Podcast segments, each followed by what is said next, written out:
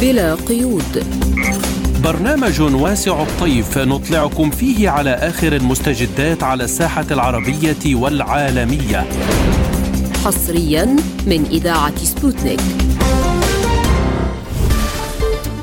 تحية طيبة لكم مستمعينا الكرام وأهلا بكم في حلقة جديدة من برنامج بلا قيود. نصحبكم فيها اليوم أنا عماد الطفيلي. وأنا نغم كباس والبداية بأبرز العناوين. روسيا تصد هجمات مضادة أوكرانية في عدة محاور. المعارضة السورية تدعو لاستئناف المفاوضات المباشرة مع دمشق. أحزاب وتيارات سياسية لبنانية معارضة ترشح الوزير السابق جهاد أزعور للانتخابات الرئاسية. قتلى وجرحى في مهاجمة لعشرات المستوطنين الإسرائيليين لقرية فلسطينية.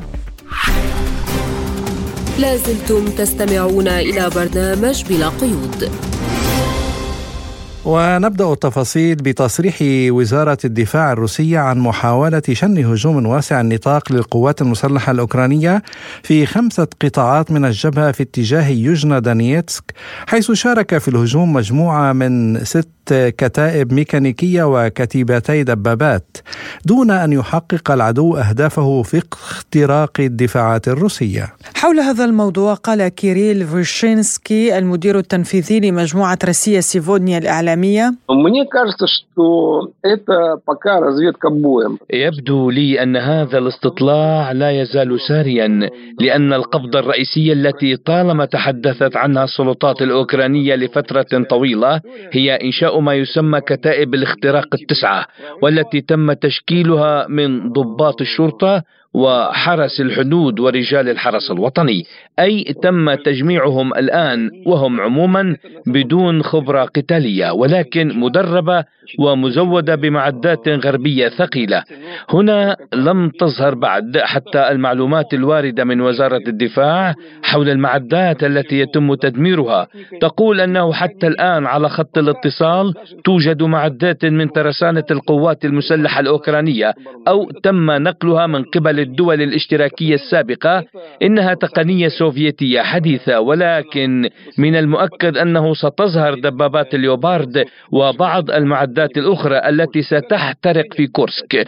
طبعا هذا لم يحدث إلى الآن مما يعني أن القوات الرئيسية المستعدة للهجوم المضاد على ما يبدو لم تدخل المعركة بعد. ولكن إلقاء الناس في هذه الاختراقات هناك يعني إعدامهم جميعا. من جانبه قال جيك سوليفان سوليفان مستشار الأمن القومي الأمريكي إن بلاده لا يمكنها التنبؤ بأي توقيت لبدء محادثات السلام لحل النزاع في أوكرانيا وإنها مستعدة دون شروط مسبقة للدخول في حوار مع روسيا بشأن إعادة تفعيل ستارت ثلاثة ووضع معاهدة لتحل محلها. حول هذا الموضوع قال المتحدث باسم الكريملين ديمتري بيسكوف هذا تصريح هام وإيجابي للسيد سوليفان بالطبع نتوقع أن يتم دعمه بخطوات فعلية من خلال القنوات الدبلوماسية وبعد ذلك سيكون من الممكن النظر في صيغ الحوار المقترحة. تظل روسيا منفتحة على الحوار ونحن نعتبر هذا الأمر في غاية الأهمية. ولكن يجب على المرء اولا أن يفهم كيف تتم صياغة هذا الاقتراح لأنه بالطبع في مثل هذه القضايا الهامة والحساسة من الصعب للغاية الاعتماد على بيان في الصحافة خاصة عندما نشهد الآن ربما أشد انعدام للثقة المتبادلة في علاقاتنا الثنائية. بدوره قال ضابط الاستخبارات البحرية الأمريكية المتقاعد سكوت ريتر لن يتم قبول أوكرانيا في الناتو لأن دول الحلف تكره فلاديمير زيلينسكي وتستخدمه فقط. بهذا الخصوص قال فاديم كاليسنيتشينكا نائب رئيس هيئة رئاسة المجلس الدولي للمواطنين الروس لسبوتنيك. Зеленскому и к его окружению, да и к самой Украине на Западе формировалась за последние несколько сот лет. الموقف اتجاه زيلينسكي واتجاه حاشيته واتجاه اوكرانيا نفسها قد تشكل في الغرب منذ اكثر من عام. حقيقه ان اوكرانيا تستخدم اليوم كورقه مساومه في المواجهه بين الحضارات وهذا أمر واضح لأي شخص عاقل فقط هذا المهرج زيلينسكي لا يستطيع فهم ذلك. الحقيقة أن الغرب لا يهتم بما يريده زيلينسكي. الولايات المتحدة هي المستفيد الرئيسي من الصراع في هذا الإقليم الذي يسمى أوكرانيا. اليوم وصلت هذه المواجهة في الواقع إلى ذروتها وبدأت الولايات المتحدة تدرك أن الغرب الجماعي الناتو يخسر في هذه المواجهة. وبسبب هذا فإن الاستياء من زيلينسكي يختمر في الغرب.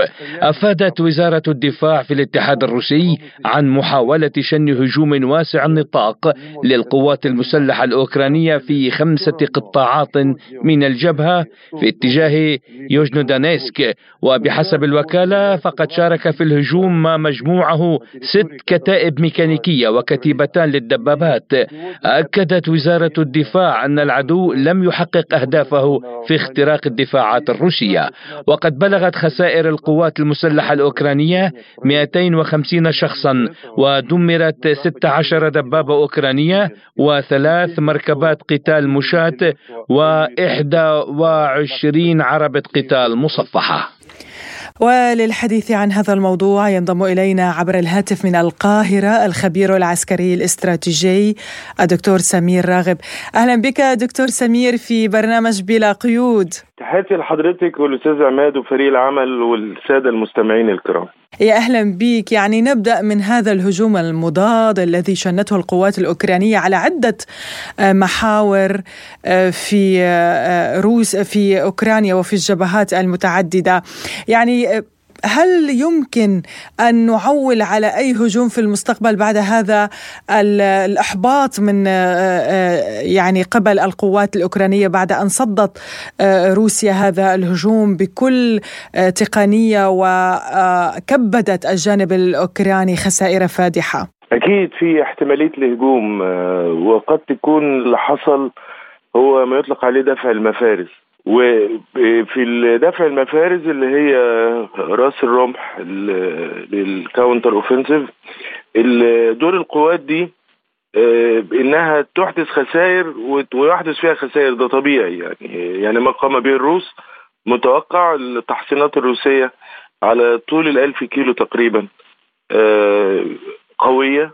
والروس في المعارك الدفاعية ربما متفوقين على الاعمال التعرضي. يعني عندهم خبرة كبيرة سواء كان في الخنادق أو المواقع الدفاعية اللي بتتكون من أكثر من خندق بالإضافة لتحصين في موانع الميدان سواء كانت ألغام أو موانع للدبابات أو طبعا ألغام بانواعها المضاده للمدرعات والمضاده للأفراد. آه، أنا بقول إن في الهجوم هيحصل لأن الجانب الأوكراني حصل على الدعم. من الناتو آه، بذمة ال counter offensive اللي هو كان المفروض في الربيع ويعني إحنا خلاص في قالوا في الربيع ثم قالوا في الصيف, آه، في الصيف. ثم يعني نفذوا عدة هجمات فاشلة كانت بكل الأحوال. يا نغم إحنا بنتكلم في ست كتايب دي مش مسبوقة من معارك آه، خاركيف وخرسون. يعني أنا بتكلم عسكري أنا ست كتايب منهم اثنين كتيبة مدرع ده عدد ضخم. إحنا بنتكلم في حدود السبعين دبابة. فلما نبدأ ب... ب... بهذا الكم ولسه القوة الرئيسية لم تدفع المفروض دفع المفارس ثم دفع القوة الرئيسية. فبناء طبعا هنلاقي في خمس محاور. اللي حصل خلال يعني آخر 24 ساعة. فهو بيجس النبض وبيعمل للجانب الروسي إن هو ما يبقاش عارف يدفع تعزيزاته في أنهي اتجاه. بيشتت الجانب الروسي عسكريا يعني. سواء يشتت أو لا لكن هو عسكريا هو الغرض من اللي حصل ده هو بيجس نبض وبيعمل حاجة اسمها تليين الدفاعات. تليين الدفاعات يعني ضرب مدفعية ففي الغام انفجرت بدأ يتحرك يشوف يشوف رد الفعل. والأهم من ده إن الجانب الروسي على ما يبدو من تحركاته إن هو يرغب في counter offensive في اتجاه خاركيف في اتجاه كوبيانسك. فبالتالي لما ينزل في سواء كان آه، في اتجاه خيرسون أو في اتجاه ارتيموفسك في محورين يعني بيتحرك في محورين يعني سواء كان آه، في في في شرق سوليدار أو في, في أو غرب ارتيموفسك فده هيخلي على الأقل الجانب الروسي يتأنى في موضوع خاركيف لأنه خاركيف مهم للروس عشان نقطة الدخول وعشان يبعد القوات الأوكرانية. ولأنه يعني حاليا الاستهداف يتم بالفعل من هذه المدينة من خاركوف هو يتم استهداف القوات الروسية. فبعد أرتيوموفسك انتقلت الاستهدافات من خاركوف إلى خاركوف. بالضبط يعني الهدف العملياتي اللي هيكون بمذاق استراتيجي للروس هو إن هو يرجع تاني على الأقل في المناطق الشرقية من خاركوف. فلو قدر هتخفف عليه الضغط فيما يتعلق بالاختراقات اللي بتحصل في بلجرود وهنا وهناك ففكره إن مفيش counter offensive لا هيحصل counter offensive الأوكرانيين حصلوا على الدعم ودي المعركة الأخيرة لزيلينسكي يعني بعد ما حصل عليه من دعم ال counter offensive ايا كانت نتائجه يعني سواء يعزز على خطوطه أو يكتسب خطوط أكثر ملائمة أو ينجح في يعني كما نجح في في في في الضفة الغربية نهر خيرسون ينجح في مناطق أخرى سواء كان في مناطق لوجانسك في في اتجاه سيفيرودونيسك أو ليسيتشانسك في في المناطق اللي هي تقع في الشمال يعني في الشرق أو يعني في في في لوجانسك فيقدر يبقى موجود في شرق دونسك يعني كلف رئيس الوزراء البلجيكي أجهزة المخابرات بالبت في مسألة استخدام أسلحة قدمتها بروكسل إلى أوكرانيا في الهجوم على مقاطعة بيلغورود الروسية. ما المأمول من هذا التحقيق؟ هل ستتم محاسبة المسؤولين في كييف مثلا؟ بالفعل السبب الناتو متعهد لروسيا وده خطوط حمراء بأن لا تستخدم الأسلحة اللي بيمدوا بيها أوكرانيا في العمق الروسي. فلو الأوكرانيين خلفوا ده هيتم معاقبتهم. ليه؟ لأن ده خط أحمر مش يعني لا يمكن تجاوزه لأن لو تم تجاوزه وأثبت حت في خطوط حمراء أخرى روسيا هتخترقها في مناطق أخرى. في مناطق كتيرة بقى في صربيا في في البوسنة في في مناطق كثيرة في مولدوفا في أماكن يعني كتير روسيا ممكن ترد وتزعج أوروبا كلها. سواء كان صواريخ ستورم شادو البريطانية أو سواء هايمارس ان لو اقترب ودخل في الحدود أو سواء كان أي أسلحة بيحصلوا عليها لا يمكن استخدامها لأن ده يعرض العالم إلى يعني صراع كبير يعني ما وخاصة إن الدول بروكسل يعني بروكسل عاصمة الناتو يعني مش مش المفروض إنها هي من تخالف. نعم دكتور سمير يعني رئيس وزراء هنغاريا قال إن أردوغان وسيط محتمل في حل الصراع في أوكرانيا. يعني ما مدى واقعية الوساطة التركية بالنظر إلى حقيقة أن تركيا عضو في الناتو اولا وتورد مسيرات بيرقدار لأوكرانيا؟ بالفعل لكن انظر للجانب الآخر من الصورة إنها لها علاقة متميزة بروسيا. ووجودها في الناتو ده ده شيء إيجابي مش شيء سلبي الحقيقة. بالإضافة لإن طيارات البيرقدار عددها تناقص لإن في كتير اسقطوا الروس ولا يعني مداها أقصى مدى 300 كيلو ما ولا تستخدم في العمق الروسي نهائي لم يحدث ولن يحدث. والروس يعني عندهم فكرة إن هو يدير علاقة مع الصديق اللدود يعني يكون في هناك اختلافات لكن هناك صداقه فأنا شايف إن تركيا من أكثر الدول ترشيحا إنها وخاصة إن تركيا هي دولة ناتو لكن لن تكون دولة أوروبية.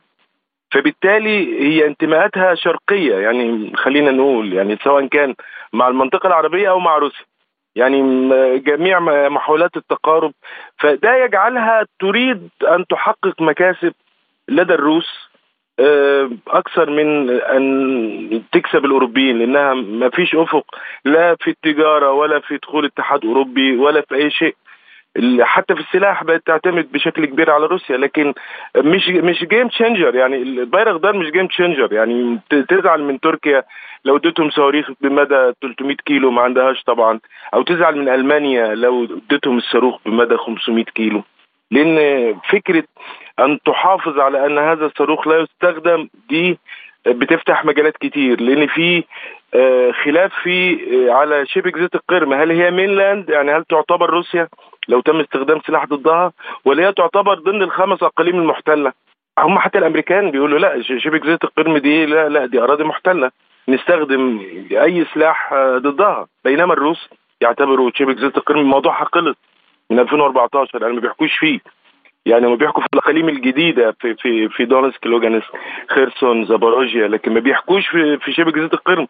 الأوكرانيين بيقولوا للأمريكان إحنا هنستعيد كل الأراضي بل ال counter offensive رايح لشبه جزيره القرم سواء كان عن طريق فولنا فاخا أو مولوتوبول أو بريديانسك يعني في مناطق جنوب زاباروجيا نعم دكتور أيضا وزير الخارجية الأوكراني طالب الناتو باتخاذ خطة عمل لانضمام أوكرانيا إلى الناتو أو ضم إلى الناتو. ولكن هناك مصادر قالت إن الناتو لن يقبل بأوكرانيا نهائيا كأحد أعضائه لا الآن ولا في المستقبل. لماذا اذا تتمسك كييف بهذه الأوهام والأحلام وتحارب روسيا من أجل انضمامها في الناتو يعني ما ما أسباب كل هذا؟ كمبدأ في في مبادئ التفاوض يعني إن أنا يكون سقف المطالب عالي فأحصل على الأدنى. الأدنى هو الاتحاد الأوروبي فهي بتطلب ناتو. طبعا ميثاق الناتو بيمنع انضمام دولة في حالة حرب أو في قوات أجنبية على أراضيها. في دول كبيرة منهم فرنسا وألمانيا ضد فكرة إن أوكرانيا تبقى عضو في الناتو. ولما اتفتح التصويت قبل كده على على المبدئي على فكرة أوكرانيا ما قبل العملية العسكرية الروسية الخاصة في أوكرانيا في 10 دول اعترضوا. فمش مش هتبقى دولة ناتو. بالإضافة لإن في معايير للديمقراطية والشفافية وكفاءة القوات المسلحة غير متوفرة. فالفكرة الناتو مستفيد من الوضع الحالي إن هو بيحارب بالوكالة من خلال أوكرانيا ولا تنطبق عليها المادة الخامسة. يعني ما يقدرش يعني مش محتاج إن هو الأمن الجماعي والدفاع المشترك يفعله. ولو دخلت أوكرانيا في في في في الناتو ما, قيمة ذلك؟ يعني يعني ما فيش قيمة وخاصة إن الروس بينقلوا حدودهم في اتجاه الغرب مش مش مش مش اللي حاصل العكس. هو راح في في في السويد وفنلندا لكن روسيا موجودة في في أوكرانيا وبتقرب كل مدى من حدودها وطيرانها والبارود بيوصل لحدود بولندا وحدود دول الجوار الأخرى يعني. فمش هيحصل لكن سقف المطالب بيقول لهم طب مش هتودوني الناتو طب ادوني سلاح ادوني تدريب ادوني فلوس ادوني دعم اقتصادي. طب دخلوني الاتحاد الأوروبي وأخش في الأمن الجماعي. في في في ال mechanism العسكري الأوروبي. لكن مش مش هيحصل. وفي موضوع مهم جدا. إن أمريكا عضو في الناتو. لكن قراراتها بتعتمد على الكونجرس بغرفتين. الكونجرس مش هيقدر. مش عايز وجع دماغ يعني مش عايز يعني الموضوع ده هيفتح له وجع دماغ. وفي يعني يعني في ناس محافظين مترد يعني متضررين من فكرة أموال دافعه الضرائب و يعني الدخول على حافة صدام عالمي جديد وهكذا. نعم الخبير العسكري الاستراتيجي الدكتور سمير راغب كنت معنا من القاهرة. شكرا جزيلا لك دكتور شكرا سمير. شكرا لك يا فندم. أهلا بك. لازلتم تستمعون إلى برنامج بلا قيود.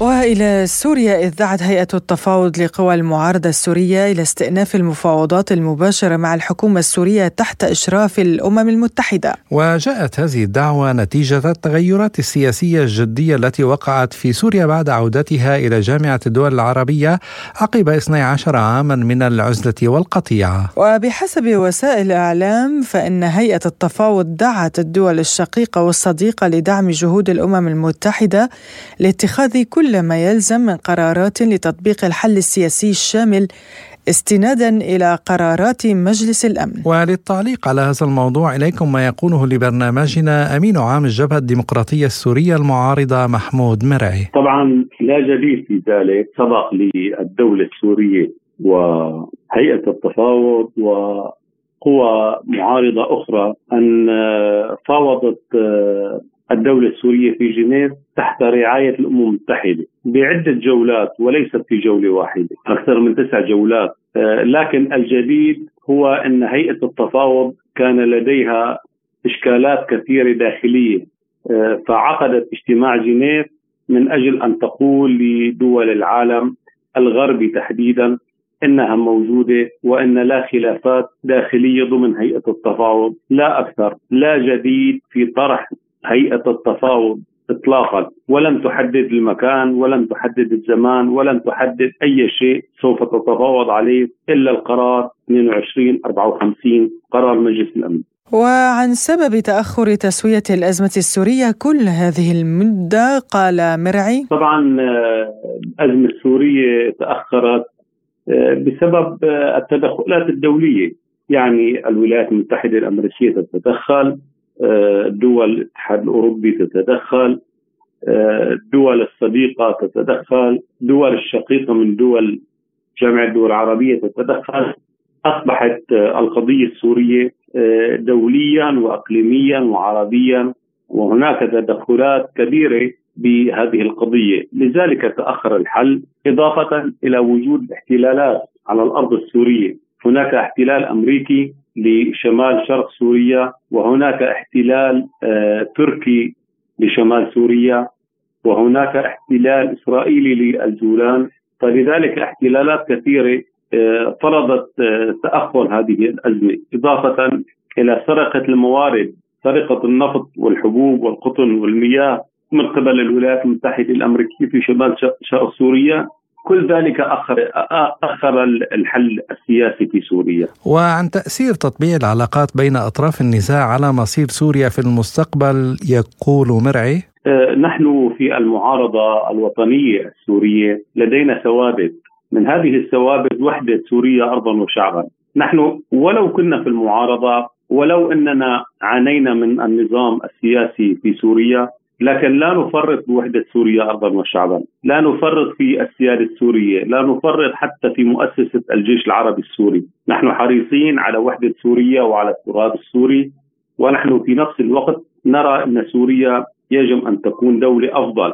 بنفس الوقت نحن نعمل من أجل مصلحة الشعب السوري خاصة الوضع المعيشي والاقتصادي لأن المواطن السوري يعاني معاناة شديدة في آه، الوضع المعيشي والاقتصادي، هناك أزمة اقتصادية وحصار اقتصادي وضغط اقتصادي على الدولة السورية وموارد الدولة السورية انعكس على الشعب السوري. وعن رؤية جبهته الديمقراطية المعارضة لكيفية تسوية الأوضاع في سوريا يضيف مرعي؟ نحن آه، في المؤتمر العام الأول للجبهة طرحنا أن الحل السياسي هو الأساس في آه، حل الأزمة في سوريا والخروج من الأزمة وممكن أن يكون ذلك عبر مؤتمر حوار وطني آه، يعقد في دمشق تحضره المعارضة الوطنية الداخلية والخارجية من جهة والدولة السورية من جهة برعاية الأصدقاء آه، روسيا الاتحادية والصين وإيران والدول الصديقة والشقيقة التي تريد خير لهذا الشعب السوري وتريد حل الأزمة السورية بشكل جدي. لا دول الاحتلال مثل الولايات المتحدة الأمريكية التي تحتل الأرض السورية وتحتل الموارد السورية. لذلك نرى أن الحل السياسي هو المخرج من خلال مؤتمر حوار وطني عام يعقد بدمشق استمعنا إلى مداخلة الأمين العام لجبهة الديمقراطية السورية المعارضة محمود مرعي لازلتم تستمعون إلى برنامج بلا قيود وإلى لبنان حيث أعلنت أحزاب وتيارات سياسية لبنانية معارضة ترشيح الوزير السابق جهاد أزعور للانتخابات الرئاسية يأتي ذلك بعد تبني كل من حركة أمل وحزب الله لترشيح رئيس تيار المردة سليمان فرنجي. حول هذا الموضوع قال النائب السابق إيميل إيميل لحود لبلا قيود والحقيقة يعني المشهد آه، صحيح آه، مبين إنه في آه، تغيير فيه من وراء ترشيح الوزير السابق الزعور ولكن بالصميم ما تغير كثير. يعني بغير معنى هذا الترشيح أنا بشوفه أكثر من باب يعني التعطيل لوصول الوزير فرنجي اللي هو المرشح الحقيقي أو إذا بدك الجدي الحقيقي الوحيد. ترشيح الوزير الزعور وباعتراف الأفرقاء بالمعارضة إنه ما كان هو الخيار الأول ولا الثاني ولا الثالث بركي ولكن كان خيار تم الاتفاق عليه لأنه ما عم بيكون في إجماع بين الأطراف بهذه المعارضة. يلي ما بعرف ليش بيسموا حالهم معارضة حقيقة لأن يعني بآخر 15 سنة 17 سنة كانوا هن جزء أساسي من جزء أساسي جدا من من السلطة. فقرروا اليوم يسموا حالهم معارضة. المهم إنه منهم على اتفاق ولذلك الترشيح عم بيجي فقط نوع من يعني العرقلة لتطوير آه، ونضوج آه، انتخاب الرئيس الفرنجي الوزير الفرنجي لرئاسة الجمهورية. آه، بظن هذا الشيء عمليا فقط رح يأجل الاستحقاق ويكلف البلد أثمان اقتصادية واجتماعية وإن شاء الله ما يكون كمان أمنية. لأنه البلد متروك. يعني وقت اللي ما في رأس على الهرم ونحن بنعرف الدولة قديش عانت آخر ثلاث سنين وما قبل بس هيك آخر ثلاث سنين كانوا الأصعب. اللي عم بي اللي عم بيعملوه عم بي عم بيعرقل إعادة بناء الدولة. وأنا عم بقول هالشيء آه، بثقه لأنه بعرف عدا المعرفة الشخصية بالوزير فرنجيه وبعرف وطنيته ورغبته ب آه، يعني المساهمة بأقصى حدو الإمكانيات اللي عنده إياها لتوحيد آه، الوطن بهذه اللحظة الدقيقة خاصة إنه هو على علاقة آه، ممتازة مع جميع الأطراف إن كان الإقليمية أو الداخلية اللي هي بتزين. ما عم بحكي أنا بمعنى ال يعني ال المحافظة في مجلس النواب لأنه هيدي ما بتمثل حقيقة الواقع. السياسي والديموغرافي بالبلد.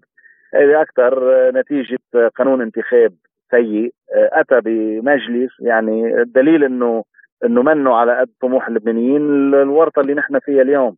مش عم نقدر ناخذ يعني مش عم نقدر نتقدم وننتخب رئيس جمهورية. ولكن هذه العرقلة أنا برأيي مؤقته الوضع الوضع بالمنطقة والتغيرات اللي عم تحصل والانفتاح اللي بالمنطقة عم بيصير ان كان على مستوى التعود الإيراني أو التعود السوري أو على مستوى آه، دخول الصين في الوساطة آه، بالشرق الأوسط أو تطور الحرب في أوكرانيا اللي عم عم بيتضح أكثر وأكثر إنه الانتصار آه، أصبح وشيك لروسيا. كل هذا بيغير من من يعني بيأثر وبيغير من المشهد العالمي وبشكل طبيعي من المشهد الداخلي اللبناني لأنه بنتأثر نحن كثير باللي بيحصل بالعالم وبالأخص بالمنطقة. وعن إمكانية إجراء الانتخابات الرئاسية في الفترة القريبة يقول لحود. عمليا ما بظن في انتخابات رئاسية لأنه أنت بتعرف الآلية الدستورية في دورتين. وأنا ماني شايف أحد المرشحين بيقدر يحصل على على الثلثين من أول دورة. وبقدر إنه ما بنوصل للدورة الثانية هاي في حال صارت جلسة أساسا. لأنه آه، مثل ما عم بقول هالمعارضة عم بتحاول آه، بحجه مرشح تعرقل عمليا انتخاب الوزير الفرنجيه وما أكثر من هيك يعني. ولكن هذا هذا الشيء أنا برأيي حيت بده يتغير قريبا. منا باقيين على هذا المشهد. لبنان وبالأخص آه كثار من الافرقاء اللي اليوم ممثلين بالمجلس النيابي. إذا بنشوف تاريخهم بنشوف إنه بيتأثروا بشكل مباشر وعلني ببعض الدول الإقليمية أو أو يعني على على مستوى دول أوروبية أو الولايات المتحده وغيره بيتأثروا بشكل مباشر. وأنا أنا بظن لحظة اللي بتنضج يعني اقليميا ودوليا بيكونوا هن أول مين حيساهم ل ليكملوا النصاب وليعطوا الفرصة لانتخاب الوزير الفرنجي. الدور الفرنسي. فرنسا فرنسا مع الوزير الفرنجي. ورح أقول لك ليش. فرنسا مش محبة بالوزير الفرنجي ولا محبة بالخط اللي هو بيمثله. ولكن فرنسا دولة بتقرأ وتقرا استراتيجيا وفهمانة المنطقة وين صارت وين هي وفهمانة إنه لبنان وبالأخص بما يخص الصراع مع إسرائيل في يعني معادلة واضحة وهي يعني مثبتة حالها بفضل المقاومة. بيحكوا مع القوي يعني إذا بدنا هيك نحكيها بمعنى بسيط الفرنساوي ما عم بفتش على تسهيل وضع الوزير الفرنجي كان لو ما عارف إنه بيمثل الجهة الحقيقة الفاعلة والأوزن والأقوى في لبنان. لأنه عارفين المرحلة اللي جاية شو آه، يعني شكلها وشو آه، يعني نتائجها حتكون بدهم يلحقوا حالهم بحصة أو بفرصة ليكون لهم مقعد على الطاولة ولا أكثر من هيك. وبيعرفوا إنه ما بيقدروا ياخذوا هذا المقعد غير إذا كانوا عم بيساهموا ايجابا تجاه هذا الفريق. ولذلك بعضهم متمسكين بترشيح الوزير الفرنجي. وبغض النظر يعني إذا كانوا هن متمسكين أو لا نحن متمسكين يعني. ما حدا يفتكر إنه الموضوع مرهون بمزاج فرنسا. فرنسا حرة تعمل بدها إياه. بس آخر النهار نحن بلبنان بنقرر والحمد لله القرار بترشيح الوزير الفرنجي واضح من قبل يعني الثنائي الشيعي وكل القوى يلي بتآمن بهذا الخط. فبنسأل القضية من لبنان وأكيد في دعم الخارجي آه، لأنه في ثقة بهذا الخط من قبل الدول اللي من الخارج. يعني معكوسة مبلشة من عنا وظاهرة لبرا. هن عندهم عم تبلش من برا وتخلص هون. سمعنا إلى مداخلة النائب السابق في البرلمان اللبناني إيميل إيميل لحود. لازلتم تستمعون إلى برنامج بلا قيود.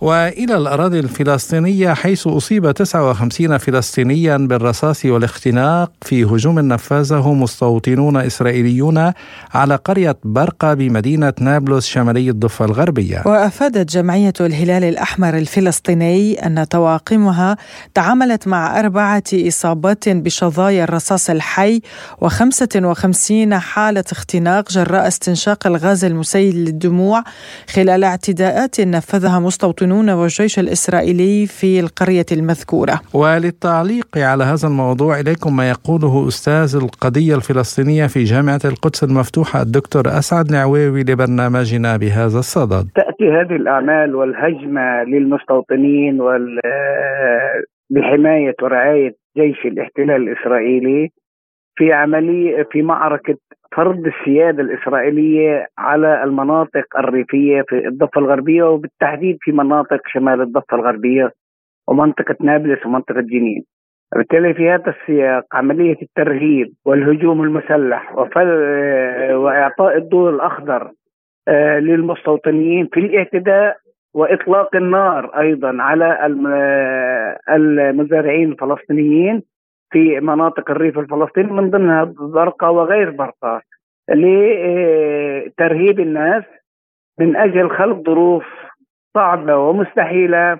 لهجر أراضيهم وهجر المناطق اللي بيعيشوا فيها لفرض السيطرة للمستوطنين على هذه المناطق. متتبع لما تقوم به قوات الاحتلال وسلطات الاحتلال الإسرائيلي من شق الطرق والبناء البنية التحتية للمستوطنين وعملية تواصلهم مع قلب ووسط وشمال وجنوب ما يسمى دولة إسرائيل هو بوصل لقناعة تامة أن الذي تقوم به حكومة الاحتلال هو فرض السيطرة الكاملة على مناطق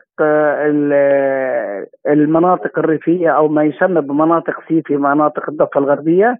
وزيادة عدد المستوطنين ومدهم بالخدمات المطلوبة على أعلى مستوى. بالتالي هذه الطرق التي تلتهم الأراضي الالتفافية وغيرها والتواصل ما بين التجمعات الاستيطانية اليهودية يدلل على ذلك.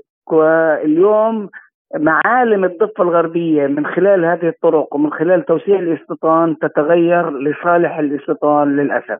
وعن الإجراءات الفعلية التي تتخذها السلطات الفلسطينية إزاء هذا الواقع المرير وموقفها من عدم اللجوء إلى محكمة الجنايات الدولية أضاف العويوي السلطة الفلسطينية إيه، ما في عندها إمكانيات إلا الإدانة والشغب والاستنكار. ما عندها أي قوة إلا قوة الشجب والاستنكار والاتكاء على الناس وعلى معارضة الناس الجماهيرية والأعمال الشعبية في مكافحة هذا الاستيطان. هذا لا يكفي بالتأكيد. لماذا لا تذهب إلى محكمة إسرائيل الدولية؟ أعتقد إنه هذا خطأ كبير لأن هناك في ضغط من الولايات المتحدة الأمريكية والدول الأوروبية باتجاه السلطة والابتزاز من خلال الدعم المالي نوقف الدعم المالي. على الرغم إن الدعم المالي متوقف إلى حد بعيد وهناك تحول حتى في الموقف الأوروبي. الأمريكي منحاز كليا لإسرائيل. اليوم الموقف الأوروبي الغربي وخصوصا ألمانيا وبريطانيا هي دائما تصوت لصالح إسرائيل في المحافل الدولية وضد الفلسطينيين في الفترة الأخيرة، وبالتالي هذا الخارطة السياسية العالمية في الضغط على الفلسطينيين بعدم لجوءهم من خلال الضغط والحصار للمؤسسات الدولية وأنا باعتقادي آه هذا آه سوف يدفع ثمنه الفلسطينيين إذا ما لجأنا. بالإضافة إلى ذلك هناك تسييس في حتى في محكمة الجنايات الدولية. في هناك تسييس وفي هناك شيطنة للفلسطينيين مبرمجة من أجل إدانة الضحية اللي هو الفلسطيني والفلسطينيين وبالعكس الإشادة والدعم لدولة الاحتلال مثل في دولة إسرائيل. إسرائيل تعمل بكل إمكانياتها وطاقاتها لتغيير معالم الضفة الغربية وبالتالي منع قيام أي تواصل جغرافي بين التجمعات الفلسطينية إلا من خلال هذه الممرات اللي بتقيمها وجعل الفلسطينيين يعيشون في معازل غير متصلة مع بعض البعض في مناطق الضفة الغربية. والحاكم الأساسي هو المستوطن وبرعاية جيش الاحتلال وهذا بالتالي يغلق الأفق نهائيا أمام قيام أي كيان فلسطيني في المستقبل قابل للحياة. كان هذا تعليق أستاذ القضية الفلسطينية في جامعة القدس المفتوحة الدكتور أسعد العويوي. وبدوره يقول نائب رئيس المجلس الوطني الفلسطيني وعضو المكتب السياسي لجبهة الديمقراطيه لتحرير فلسطين القيادي علي فيصل في حديث خاص ببرنامجنا بهذا الصدد. ما يجري في الضفة الفلسطينية المحتلة. هو تعبير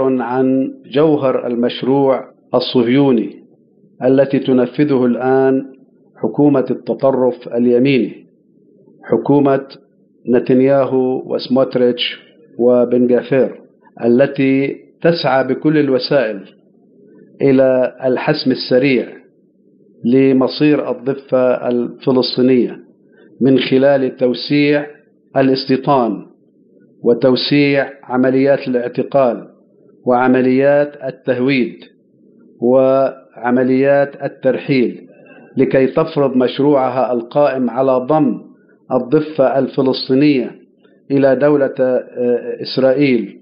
وعلى أيضا قطع الطريق على كامل الحقوق الوطنية الفلسطينية لأن مخططها قائم على نفي وجود الشعب الفلسطيني. ونفي فلسطين عن الخارطة السياسية ونفي أيضا الهوية الوطنية الفلسطينية والتنكر لها والتنكر لكامل حقوق شعبنا في العودة وتقرير المصير وإقامة الدولة الفلسطينية المستقلة. هذه حكومة نازية تعمل بكل الوسائل بما فيها سياسة التطهير العرقي سياسة المحارق وسياسة الاجتياحات للمدن وسياسة ارتكاب المجازر في نابلس في رام الله في جنين في خليل في أريحة وفي كل المخيمات وآخرها ما جرى في بلدة برقة. هذه السياسة الصهيونية المعتمدة منذ أن قامت دولة إسرائيل وحتى هذه اللحظة. ولذلك نحن نقول في إطار مواجهة هذه السياسة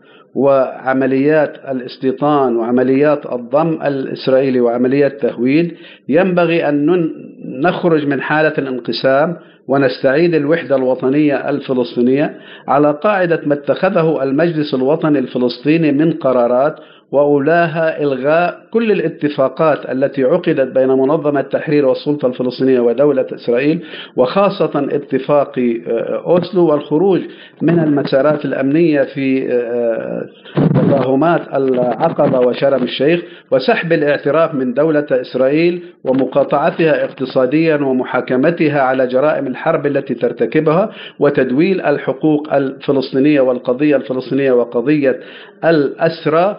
وبناء آه، القيادة الوطنية الموحدة للمقاومة الشعبية الشاملة في الضفة الفلسطينية وتطوير عمل جبهة المقاومة وغرفة العمليات المشتركة في قطاع غزة وتعزيز الوحدة بين مكونات الشعب الفلسطيني في الأراضي المحتلة عام 48 الذين يواجهون التمييز العنصري وأيضا أهلنا في الضفة وفي مدينة القدس الذين يواجهون الاستيطان والتهويد وأهلنا في قطاع غزة الذين يواجهون الحصار والعدوان وأهلنا في بلدان اللجوء والشتات الذين يكتوون بنيران هذا هذا اللجوء ويناضلون من أجل استعادة حقهم بالعودة إلى ديارهم. وعن المطلوب من القيادات الفلسطينية التي يجب أن تتخذها يقول فيصل وهذا ما يسمى بخطة استراتيجية موحدة للشعب الفلسطيني. تخرجنا من المأزق الحالي وتدفع بنا خطوات كبيرة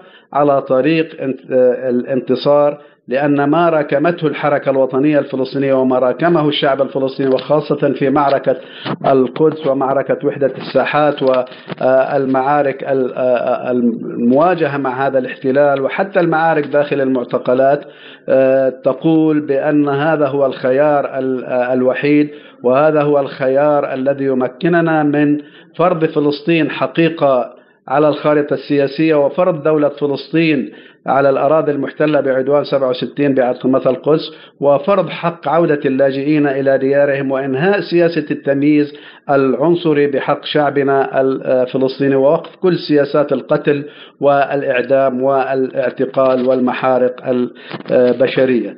ولذلك نحن ندعو كل قوى التحرر في منطقتنا العربية وعلى امتداد العالم وكل المؤسسات الدولية أن تدعم نضال شعبنا.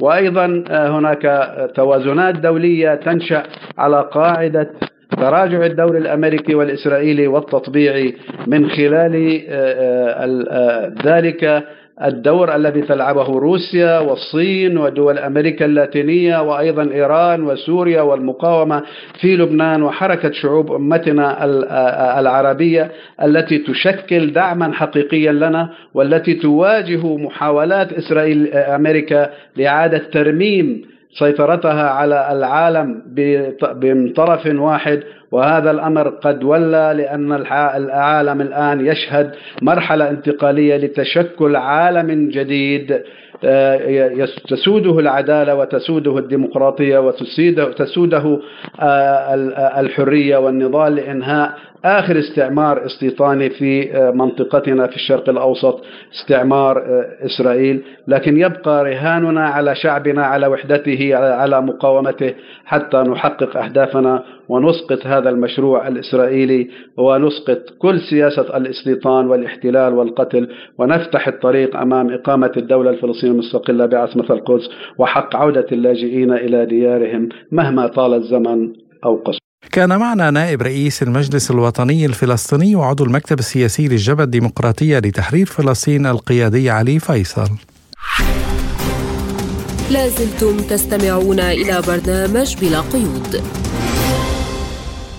ومن السياسة إلى الاقتصاد والقرار الهام الذي اتخذه تحالف أوبك بلس بخفض الإنتاج بمقدار مليوني برميل يوميا حتى نهاية العام الجاري إلى 41 و856 مليون برميل يوميا وبالتالي ستصل التخفيضات في العام الجديد إلى مليون و396 ألف برميل يوميا. وأعلنت المملكة العربية السعودية أنها ستعمل على تعميق الخفض الطوعي للإنتاج بمقدار مليون مقارنة بشهر يوليو تموز.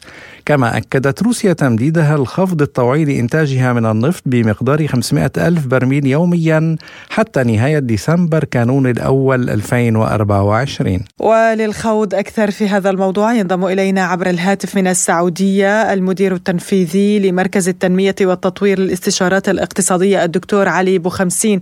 أهلا بك دكتور علي في برنامج بلا قيود. أهلا وسهلا بكم وبالسادة المستمعين. يعني أبدأ من هذا القرار لتحالف أوبك بلس بتمديد خفض إنتاج النفط ما سبب اتخاذ هذا القرار قرار التمديد برأيك؟ آه، في الواقع لم يأتي هذا القرار آه، مستغربا يعني بل كان الحقيقة مترقبا من قبل من يتابع شؤون أسواق النفط والطاقه العالميه لأنه آه، شهدنا في الآونة الأخيرة انخفاض كبير في أسعار النفط في الأسواق العالمية الحقيقة يعني قاربت ال 70 دولار وهو سعر الحقيقة يعتبر مجحف جدا في حق الدول المنتجة. ولا يلبي متطلبات آه، هذه الدول من توفير القدرة المالية لتحقيق المزيد من الاستثمارات الكبرى والبنية التحتية الكبرى لتوسعه آه، قدرات هذه الدول في الإنتاج ومن ثم الطاقات التكريرية آه، لسد حاجات أسواق النفط العالمية، لذلك كان من المتوقع جدا لجوء أوبك بلس إلى إعادة النظر آه، بشكل جدي في آه، كمية الإنتاج المطبقة وسياسات الإنتاج المطبقة من قبل الدول ولذلك كان مترقبا صدور مثل هذا القرار. الحقيقة جاء هذا القرار ب يعني ربما بتحفيز من حكومة المملكة العربية السعودية بسبب أنها آه، أحد أكبر الدول المنتجة وهي دولة يعني لديها امتدادات كبيرة في أسواق النفط العالمية. وبالتالي بادرت المملكة بالتنسيق مع الحكومة الروسية. الحقيقة عبر نائب رئيس الوزراء آه، في الحكومة الروسية ألكسندر نوفاك الذي آه، أعتقد أنه آه، تلقى هذا الاقتراح بحماس و بادل الحكومة السعودية الرأي بالموافقة على مثل هذا القرار. لذلك رأينا القرار الحقيقة صدر بشكل حقيقة أكثر ربما مما كان متوقعا. القرار تضمن جزئيتين مهمتين للغاية. الجزء الأول آه، آه، استمرار سياسة نهج الخفض الطوعي آه، وأيضا زيادة قيمة هذه الخفض ورأينا أنه هذه المرة اوبك بلس تتخذ أيضا إجراء جديد من نوعه ربما أنه تمد سياسة التخفيض لسنة قادمة للأمام إلى نهاية العام 2024 بالتالي فعلا هناك آه، رسالة إعلامية واضحة للمتداولين في أسواق النفط العالمية وبالذات بين قوسين المضاربين الذين تحدث تحدث عنهم آه، وزير الطاقة السعودي بأنه يجب اتخاذ قرارات حكيمة إذا آه، عملية إدارة عقود النفط في المستقبل حيث أنه هناك سياسة واضحة المعالم. بالتالي الدول الغربية ومن يستهلك النفط يستطيع تخفيض مشترياته وفقا لهذه الكميات المنتجة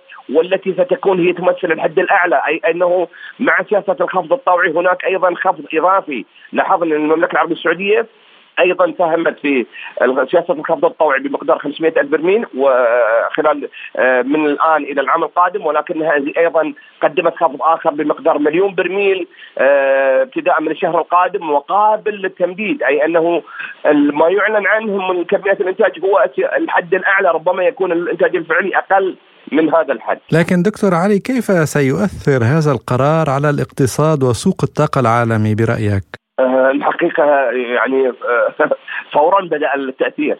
آه، شهدنا ارتفعت الأسعار نعم.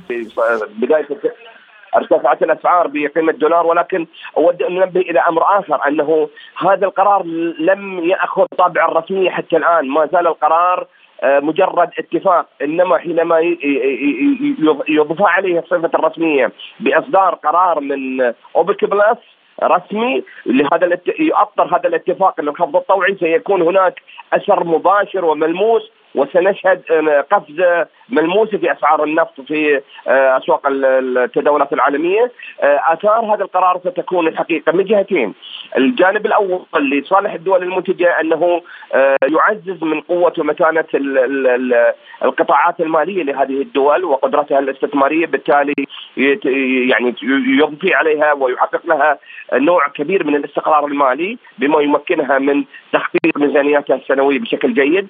الجانب الآخر هو أيضا يخدم مصلحة الأسواق النفط العالمية حيث أنه المستهلكين يستطيعون تخفيض كميات استهلاكهم ومشترياتهم السنوية وفقا لكميات إنتاج محددة مسبقا بالتالي سيؤمن لهم طوق نجاة من قبل المضاربين الدوليين الذين كثيرا ما يسببون الحقيقة يعني أداء مضطرب في أسواق النفط العالمي بحيث أنهم يجففون السوق أحيانا ويغرقون السوق أحيانا بما يخدم مصالحهم المالية، الآن هناك أرقام معلنة واضحة بالتالي نتوقع انحسار تأثير المضاربين بشكل كبير.